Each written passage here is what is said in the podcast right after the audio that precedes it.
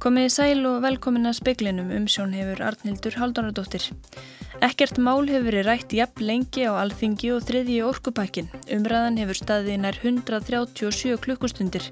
Ekkert samkominnlag leikur fyrir um þinglúk og forsættisráður að segja að á meðan það sé raunin sé ekki annaði stöðunni en að halda þingfundi áfram á alþingi, nægur tími sér fram í september. Kjörstöðum var lokað í Danmörku nú klukkan 6. Kjörsókn virðist að verið aðeins betri en í síðustu þingosningum. Við ræðum við Boga Ákusson fréttamann um nýja útgöngu spá og horfurnar í danskri pólitík í síðari hluta speilsins. Annað árið í rauð hækkar fastegnamat á Akarnesi um meira en 20%. Forstjórið þjóðskrár segir fastegnamatið nálgast höfuborgarsvæðið. Almannavarnir hafa aflýst óvissustígi vegna virkni í Örafajökli sem hefur staðið yfir síðan í november 2017. Undirbúningur er hafin í félagsmálaráðuneytinu að því að breyta lögum um fjölegnarhús til að liðka fyrir rafbílavæðingu. Leðtóar myndust þess í dag 75 áru liðin frá innrásinni í Normandi hér aðeins Fraklandi, profesor við Háskóla Íslands, telur að atburða sem þessara verði enn minnst með viðhöfn eftir 150 ár verðu við ekki sokkin í sæ. Umræðinum þriðja orkupakkan er orðin svo lengsta í sögu alþingis. Hún skaut í dag deilunum um æsif aftur fyrir sig og hefur staðið hálfum öðrum sólaring lengur en átökin á þingi um EES-samningin. Ég var komin eh, áðan í mínu svari hér fyrr eh, að Nóri. Um það leiti sem Karl Gauti Hjaldarsson, þingmar miðflokksins, létt þess orð falla, varð umræðan um þriðja orkupakkan svo lengsta sem hefur átt sér stað á alþingi. Þar með hafði hún staðið í 135 klukkustundir og 10 mínútur. Fyrra með var frá árinu 2010 þegar þingheimur klopnaði afstöðsinni til ISAF samningsins og átakalínu lágubæði innanstjórnar og millistjórnar og stjórnaranstöðum. Þessar tvær umræður eru einstæmi í þingsögunni. Næst þeim kemur umræðan um EES-samningin sem stóði tæplega 101 klukkustund veturinn 1993 til 1994. Þá var haft á orði að aldrei hefði nokkur umræða á alþingi komist í námunda við þá tímalengt. Til dæmis þótti til tíðenda við upphaf sjönda áratörins þegar umræða um landhelgisamning við breyta stóði tæpar 38 klukkustundir og allir hann þó miklum deilum í samfélaginu. Brynjólfur Þór Guðmundsson saði frá. Ekkert samkominnlega likur fyrir um afgriðslu mála á alþingi eða þinglokk. Forsættisráður að segja að ekki hafi verið fallist á tillögu hennar um að fresta þeim málum sem ekki sé samkominlag um fram í ágúst. Á meðan ekkert sé samkominnlagið sé ekki annað í stöðunni en að halda þingfundi áfram á alþingi nægur tími sé fram í september. Já, ég hef nú verið að beita mig fyrir samkominlega hér með því að búa formöndi fundar frá því í síðustu viku og ræða leiðir. Og álita efnin eru nokkuð ljós og það likur fyrir og mér sínist að við líka þannig fyrir að annar hluti stjórnarnarstöðuna leggur náttúrulega mikla áherslu á þriða orkupakkan og hinn hluti stjórnarnarstöðuna leggur sérstaklega áherslu á sælabankamál og þjóðarsjóð Ég komi þá tillögu hér í dag eftir að auðvitað töluvert mörg samtölu hafa farið fram um bæði þessi mál og það eru auðvitað önnur álita mál en ég var svona búin að meta það, þetta verður stærstu máli, að við myndum ljúka uh, þingi núna á næstu dögum og vikum um þau mál sem, önnur mál sem eru líka hér fyrir og við myndum svo koma aftur saman í ágúst til þess að ljúka afgríslu þessar tiltæknu mála Nú það var ekkert sérstaklega vel tekið í, í þá hugmynd skulum við segja þannig að ég lít svo á að við séum bara höldum þá bara áfram þingaldinu og það er nægur tími fram í september. Saði Katrín Jakobsdóttir fórsættisraðara, Jóhanna Veitis Hjaltadóttir talaði við hana. Kjörstöðum var lokað í Danmörku nú klukkan 6. Kjörsókn virðist að vera aðeins betri en í síðustu þingkostningum. Fyrir klukkustund höfðu 81,4% þeirra sem að hafa kostningarétt greitt atkvæði. Í dag er þjóðatíðadagur Dana og margir pólitíkusar hafa sangat vef danska ríkisútvarsins varið deginum á götum úti við að reyna að sannfæra kjósendur. Eitt þeirra mentamálaráðaran Venstre Mentamálraðara venstri Tommy Allers var ennað hálf tíma áður en kjörstöðum var lokað. En við heyrum í boga ágúsinni fréttamanni síðar í speklinum ræðum glænija útgöngusbá DR og horfurnar í stjórnamyndun. Forstjóri Þjóðskrár segir að fastegnamat á Akranesi nálgist höfuborgarsvæði hratt. Annað árið í rauð hækkar fastegnamatið á skaganum um meira en 20%.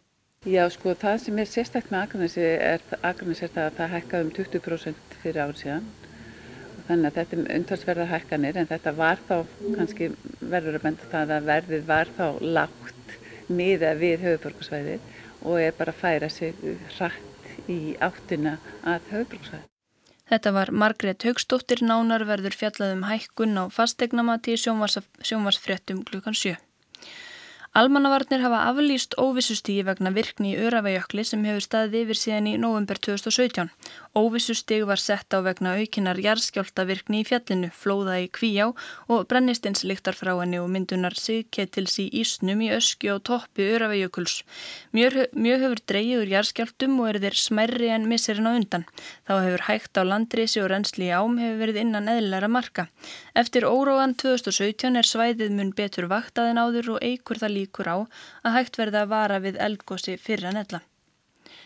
Óanægja er innan lögreglunar með rekstur ríkislauruglustjóra á lauruglubílum. Lauruglustjóra landsins ætla að funda með ríkislauruglustjóra vegna málsins og dómsmálaráðunetið hefur fyrirkomulegi til skoðunar. Sangkvæmt heimildum fréttastofu er talsverð óanægja með rekstur bílamiðstöðar ríkislauruglustjóra og hefur verið um nokkra hríð. Sum laurugluembættin hafa farið þá leið að taka bíla á leigu sem hefur reynst ódýrara en að leia af bílamiðstöðinni. Í svari frá embætti ríkislauruglustjóra við fyrirspurn fréttastofu segir að ríkislauruglustjóri, dómsmálaráðunitið og lauruglustjórar hafi haft reksturinn til skoðunar undanfarta mánuði. Embætti Ríkislauruglustjóra fundaði með fulltrúum dómsmálaráðunetisins í síðustu viku. Ríkislauruglustjóri bóðaði í kjölfarið lauruglustjóra á landinu til fundar á förstu dag til þess að fara yfir stöðu mála. Árleg velta bílamiðstöðar er um 500 miljónir króna. Lauruglufélag Norðurlands Vestra sendi frá sér álutun síðdeis um að það styðji hugmyndir þess efnis að lauruglustjórar sjáu sjálfur um rekstur lauruglubíla og að bílamiðstöð ríkislauruglustjóra verði lögð niður. Alma Ómarsdóttir tók saman og nánar verið fjallað um þetta mál í fréttum sjómasklan 7. Kaupa húsinu Jónsdótt og Lámas endur gerða á því kostar ríkja á bylnu 120 til 145 miljónir króna. Kaup og viðgerða húsinu eru þáttur í uppbyggingu lagsnesseturs við Glúfrastein. Á formum uppbygginguna voru samþygt með þingsálygtunar 2016. Þetta kemur fram í svari Lilju Alfredsdóttur menta og menningarmálar á þeirra við fyrirspurt Bryndísar Haraldsdóttur þingmanns sjálfstæðisflokksins. Í svarinu kemur fram að kaupin séu mikilvæg fyrir uppbyggingu lagsnesseturs við Glúfrastein. Þar sé, með, þar sé meðal annars litið til þess að sanga deiliskeipulagi fyrir þingvallaveg sé gert ráð fyrir breytingum á legu vegarinn sem myndu gera núverandi bílastæði við glúrastein og nótæft en bílastæði í landi Jónsdóttar lægi mjög vel við safninu.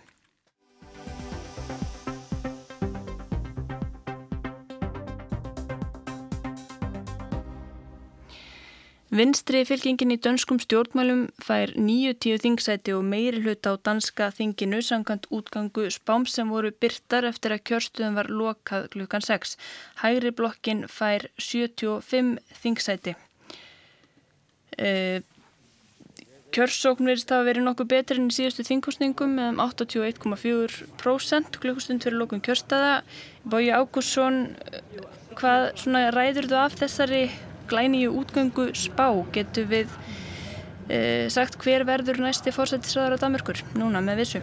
Það er náttúrulega mjög örfitt að segja hver er næsti fórsættisræðar á Danmörkur en útgöngu spáin er mjög svipuð því sem að um, var, kom fram í uh, öllum spám fyrir kostningar og um, það var fagna mikið hérna fyrir utan uh, danska þingkúsið Kristjánsborg núna klukkan 6 að dönskum tíma klukkan 8 að dönskum tíma þegar að eh, kjöstuðum hefði verið lokað og uh, svo virtist sem að sósjaldemokrata fengi flest atkvæði.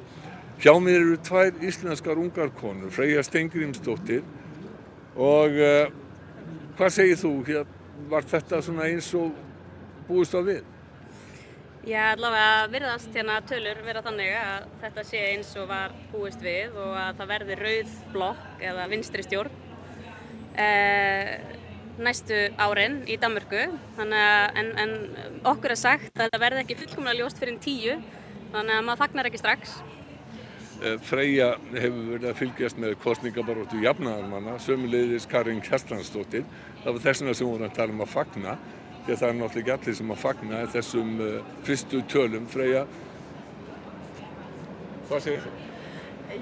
Jú, þetta, þeir eru náttúrulega mjög hissa á því hvað þetta er svona alveg í samræmi við það sem kostningaspár hafa sínt og náttúrulega það hefur, verið mjög mikil kostningaþáttaka Þannig fólk er bjart sínt á þetta muni reynast raunin en það núna er, hefur umræðan verið að síðustu daga hér í Danmörku hvort að þetta verði reyn vinstri blokk en hefur verið bóðað en náttúrulega Rasmussen hefur verið að reyna að tegja sig, Lokki ætlaði að segja, hefur verið að reyna að tegja sig til vinstri. Og svona verið að reyna að tegja sig þannig að það sé hægt að byggja upp blokk á miðjunni. Það er enþá allt óvíst hvað gerist í dönsku stjórnmálum.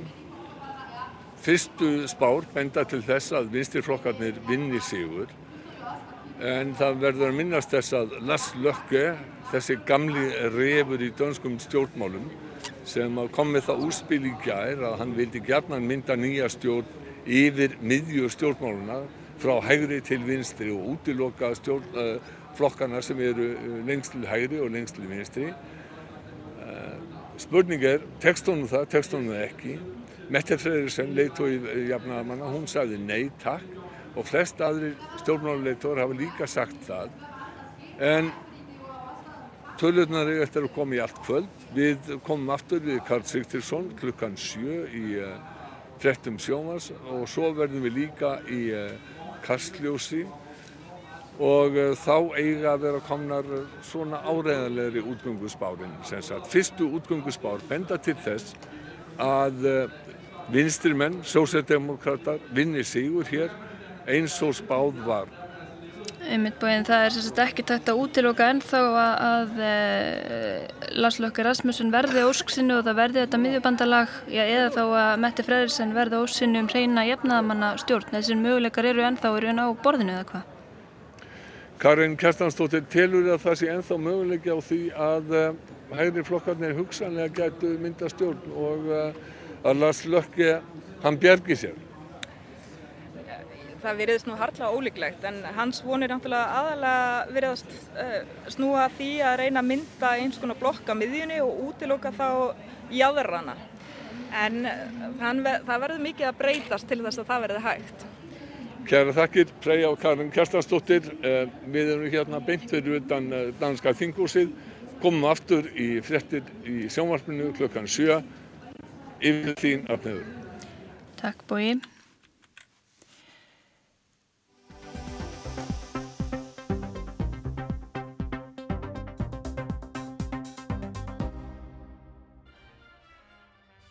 Í dag og á morgun minnast þjóðarleðtogar og aðrir innrásar bandamanna í Normandi. 75 ár eru frá því að stærsti innrásarfloti sögunar lað af stað yfir Ermarsundið 39 herdeildir 156.000 manns. Innrásinn markaði þáttaskil var upphafið að endalókum setni heimstyraldarinnar falli nazismans í vestur Európu. Við þessar minningar aðtapnir eru líkt og oft áður gefin lofórðum að gleima aldrei Herflugvélar fljúa yfir, hermenn og annað fólk sem tók þátt í aðgerðunum er heiðrað og fórna þeirra þúsunda sem letust er minnst. 16 þjóðarleituar voru viðstattir minningar að töfni Porsmáð í Breitlandi í dag. 3rd of June 1944 My darling, this is a very difficult letter for me to write. As you know, something may happen at any moment, and I cannot tell when you will receive this. Theresa May fórsætsraður að Breitlands las upp úr brefi sem fannst í vasa fallins höfðusmanns. Brefið var stílað á konunans og var skrifað þann 3. júni tveimur dögum áður en hann sildi af stað til Normandi, óvissan allsraðandi. Við aðtöfnina í dag voru líka 300 uppgjafar hermenn og fjölskyldur þeirra og aðri sem tóku þátt í atbyrjunum á sínum tíma. Margir sjá atbyrðina en ljóslefandi fyrir sér muna hljóðin, lyktina, sjóbleituna og óttan. I can hardly believe that we got through it. Can hardly believe that I'm, you know, here today and I've got through that, all that. Really? It was, yes. Mm-hmm. It was, uh, as I say, we, we, we were all scared stiff, I suppose. Verkfræðingurinn Ron Jones saði samtali við sjónvastöðuna Channel 4 að hann trúði því varla enn að hann hefði haft þetta af. Hann og félagar hans hafi verið döðrættir. Árin líða og stór atbyrðir setni heimstýraldarinnar fjarlægast. Gunnþórun Guðmundsdóttir, profesor í bókmyndafræði, hefur í sínu starfi einbeitt sér að minnisfræði og helförinni líka.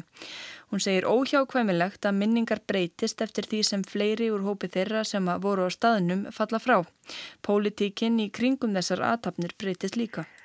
Þetta fjarlægist auðvitað þá breytist þetta svolítið úr einhvers konar eh, já, sorg og, og hérna, melankólskum atbyrði yfir í meira svona já, meiri pólitíska yfirlýsingu við stöndum saman og þess vegna erum, erum við hér og svo framvegist en, en hver þjóð á sína minnishefð Þá fari minni hins almenna borgar ekki alltaf saman við þá minnis ímynd sem stjórnvöld vilji halda á lofti. Þannig að það eru kannski allir þeir sem voru þarna og afkomendur þeirra sem vilja endilega vera með öllum þessum þjóðum vildu kannski frekar minnast þess bara í sínum hópi sko. Þannig að stundum geta svona ofunbærar minnisatarnir færð á skjön við upplifanir fólks en þegar þeir eru orðnar svona staðfestar eins og normandi minnisatarnirnar þá verður óeikomulega hluti af bara þjóðarminninu. Setni heimstyröldin er sá atbyrður sem Gunnþórun segir að sé minnst hvað oftast og víðast og að það hafi breyst mikið með pólitíkinni hvernig lönd, þjóðir og hópar sjáu þessar minningar. Sum lönd hafa hennar sögn haft sérstöðu þegar kemur að minningar aðtöfnum um atbyrði síðari heimstyröldar. Og gerð þetta sem hátt varandi fyrir heimstyröldin og kannski sérstaklega Normandi og það eru bandaríkin og Breitland og þau hafa kannski haft langt mest áhrif á hvernig þetta er gert og hvernig þessi minnst.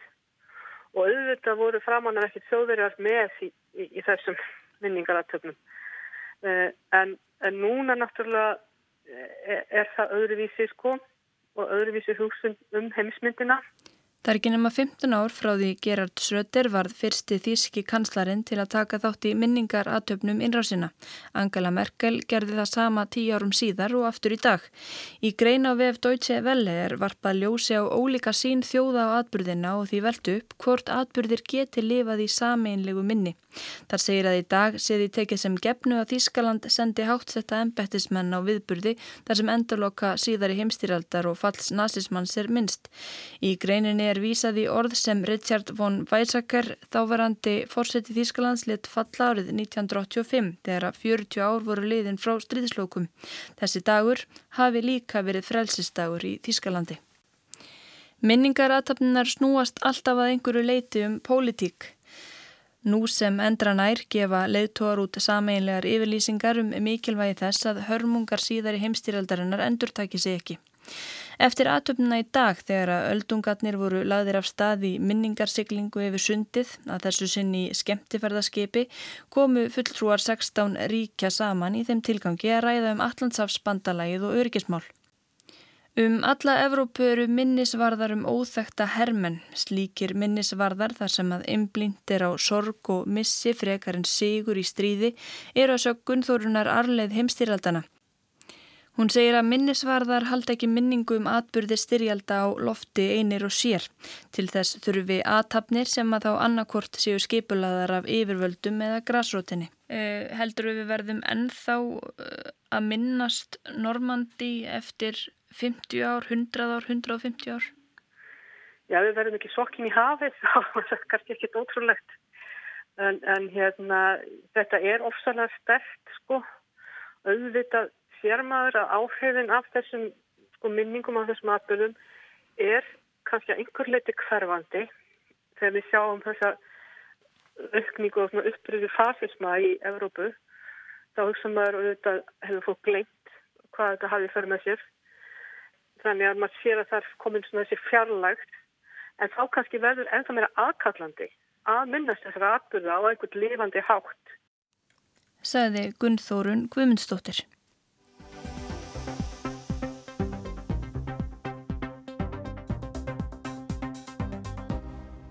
Í skýrslu starfsópsum orkuskipti er varpað fram hugmyndum um að veitt verði hagstæð framkvæmda lán til að liðka fyrir uppsetningu hleðslustöðva fyrir rafbíla í fjölbílishúsum.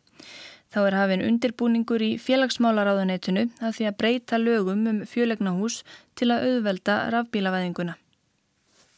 Stjórnvöld hafa ákveð að beina sjónum að fjölguna hrað hlæslustöða fyrir aðbíla með fram með þjóðvegulansins til að auðveldara verði að komast leiðar sinnar á rafbílum. Einnig verður gert átaka til að rafvæða bílalegu flótan og stemtur að því að koma upp hlæslustöðum sem víðast við gististadi. Þetta eru tvö verkefni á aftar sem starfsópur sem vann skýslu fyrir stjórnvöldum leiðir til að hraða orkurskiptum tilur mikilvæg. Önnur verkefni sem tengjast innviða uppbyggingum eru hlæðslumöguleikar í fjölbílishúsum, orkuskipti í almenningssamgöngum, ráftenging hafna, metan og vettnis afgreisla og loksa afgreisla á innlendu íblöndunar elsniti. Þjóðskrá hefur flokkað íbúðarhúsnaði út frá möguleikum á að koma upp hlæðslustöðum. Bestu möguleikarnir eru íbúður eða hús með bílskúr þar sem ekki er mikið vandamála hlaðar af bíl. Erfiðasti flokkurinn eru fjölbílishús þar sem ekki eru bílskúrar og hugsalega samiðilegt út í bílastæði. Samkvæmt flokkunu þjóðskrár eru 49% alls íbúðarhúsnaðis með auðveldi aðgengja ramagni. Hins vegar eru 43% með lítið eða erfitt aðgengi að eigin ramags tenglum. Samkvæmt þjóðskrá eru þetta 14.000 byggingar sem er tæmlega fjörðungur allara bygginga. Í skýslunni eru viðraður hugmyndur um hvernig stiðja megir afvæðingu í fjölbílisúsum.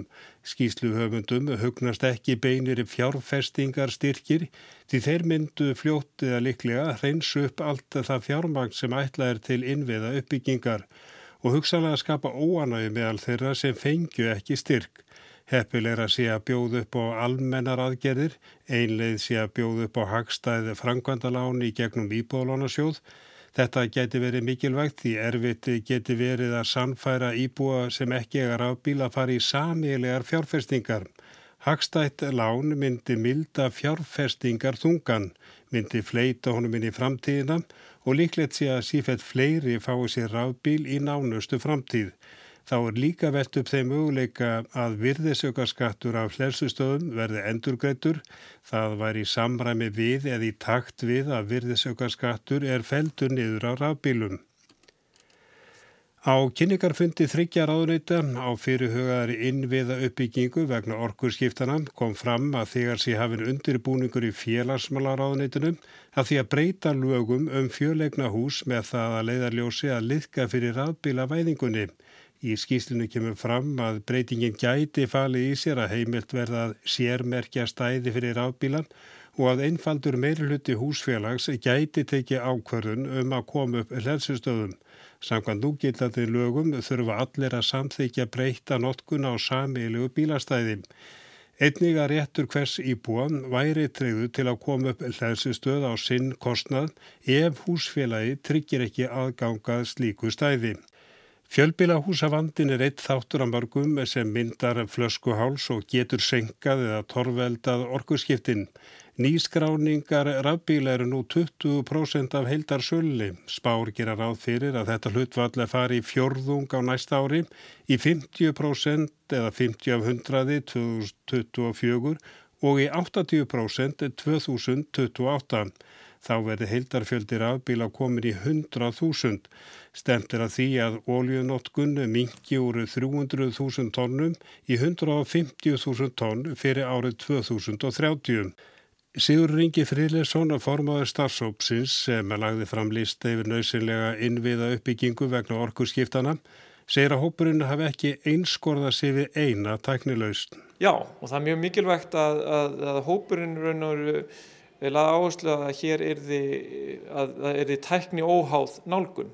Þannig að raun og veru ekki verið að velja einhvern eitt kost umfram aðra, heldur bara raun og veru e, allar grænarlausnir e, e, telja e, og þær eru bara á mismunandi stöðum og það verður að leggja áherslu á að við erum í mjög góðri stöðu að, að allstar e, eigum við mikla möguleika, bæði í vettnisvæðingu, í, í metanvæðingu og jafnveg elsnittisframlýslu, allstar eru við byrjaðir Eh, mis langt á veg komin eh, en ekki síst er raun og veru tæknin eh, mis langt á veg komin. Þar að segja þá tæknin sem virðaðum ekki við framleiðendur og slíkt. Þannig að eins og staðin er núna þá er mesta úrvalið af rafbílum og síðan náttúrulega mun þetta þróast rætt og vonandi mun úrvala af öðrum lausnum aukast rætt líka að því ég held raun og veru við græðum á blandari lausn. Það léttir á innviðu uppbyggingu og, og uh, það stendur raun og veru ekkert á Íslandi raun og veru að bjóða orkukostina, e, við þurfum bara vöruna sem að, sem að erlendir aðala framleiða. Þetta var Sigurður Ingi Fridleifsson, Arnar Páll Haugsson tók saman og förum þá aðeins nánar ofan í sauman á útgöngusbá danska ríkisútasins í tengslum við þingkostingarnar þar í landi. Samkvæmt henni fær vinstri blokkin 90 þingsæti í þingkostningunum sem framfór í Damurku í dag. Það er fjöldin sem þarf til að tryggja meiri hluta í þinginu. Þetta er niðurstaða útgöngusbár sem að danska radio byrti klukkan 6 þegar að kjörstuðum hafi verið lokað. Hæri blokkin fær 75 þingsæti. Samkvæmt þessu verður Mette Fredriksen, leiðtogi jafnaðamanna, næsti fórsættisræðara Danmerkur. Hún er um leið yngsti fórsættisræðaran í sögulandsins. Danski þjóðarflokkurinn býður afhróði í kostningunum, fylgi flokksins fer úr 21,1% í síðustu kostningum, árið 2015 í 9,8% nú. Sannkvæmt því fækkar þingmennum flokksins um rúmlega helming verða átjónist að 37. Jafnaðamenn njóta mest fylgist þrátt fyrir að tapa 1% milli kostninga, flokkurinn fær 25,3% atkvæð og 45 þingsæti sannkvæmt útgöngusbáni. Nýji borgarflokkurinn er eini nýji flokkurinn sem kemst á þing, hann fær 2% atkvæð og 4 þingsæti. Venstre flokkur Lars Lökke Rasmussen fórsætsræðara bætir við þessi fylgimillikostninga fer úr 19,5% í 20,9%. Það þýr að þingmunum flokksins fjölgar um þrjá að vera 37 en þrátt fyrir það verður Rasmussen af fórsætsræðara en bættinu. 179 sæti eru á fólkstinginu í kaupan í Danmörku svo 90 sæti þar til þess að mynda meiri hlut á þingi. Á kjörtímabilinu sem er að líða hefur bláablokkin svo kallega mynda ríkistjórn með stuðningi danska þjóðarflokksins sem fekk aðburða kostningu árið 2015. Annað sem að bar helst í spekli kvöldsins, ekkert mál hefur í rætti að blengja á alþingi og þriði orkupakkin. Umræðan hefur staðið einar 137 klukkustundir. Ekkert samkomlælikur fyrir um þinglokk og fórsættisadara segir að meðan það sé raunin sé ekki annað í stöðinni en að halda þingfundi áfram á alþingi, nægur tími sé fram í september. Annað árið í rauð hækkar fastegnamat á Akranesi um meirinn 20%. Forstjóri þjóðskrár segir fastegnamatið nálgast höfuborgarsvæðið. Og almannavarnir hafa aflýst óvissustígi vegna virkni í Örafijökli sem hefur staðið yfir staðið síðan í november 2017. Veður horfur á landinu til miðnættis annarkvöld, norðan 8-13 metrar á sekundu en 10-15 austanlands. Dáli til rykning eða slitta um norð-austanvert landið en þurft og bjart sunnan heiða. Dregur lítilegur vind á morgun og viða létt skíð á landinu en skíjað og úrkomi lítið norð-austan og austanlands. Hiti yfir daginn frá 3 stegum á norð-austurlandi upp í 15 steg á söðurlandi. Tæknumæður í útsendingunni var Ragnar Gunnarsson, það er ekki fleira í speklunum í kvöld, verið sæl.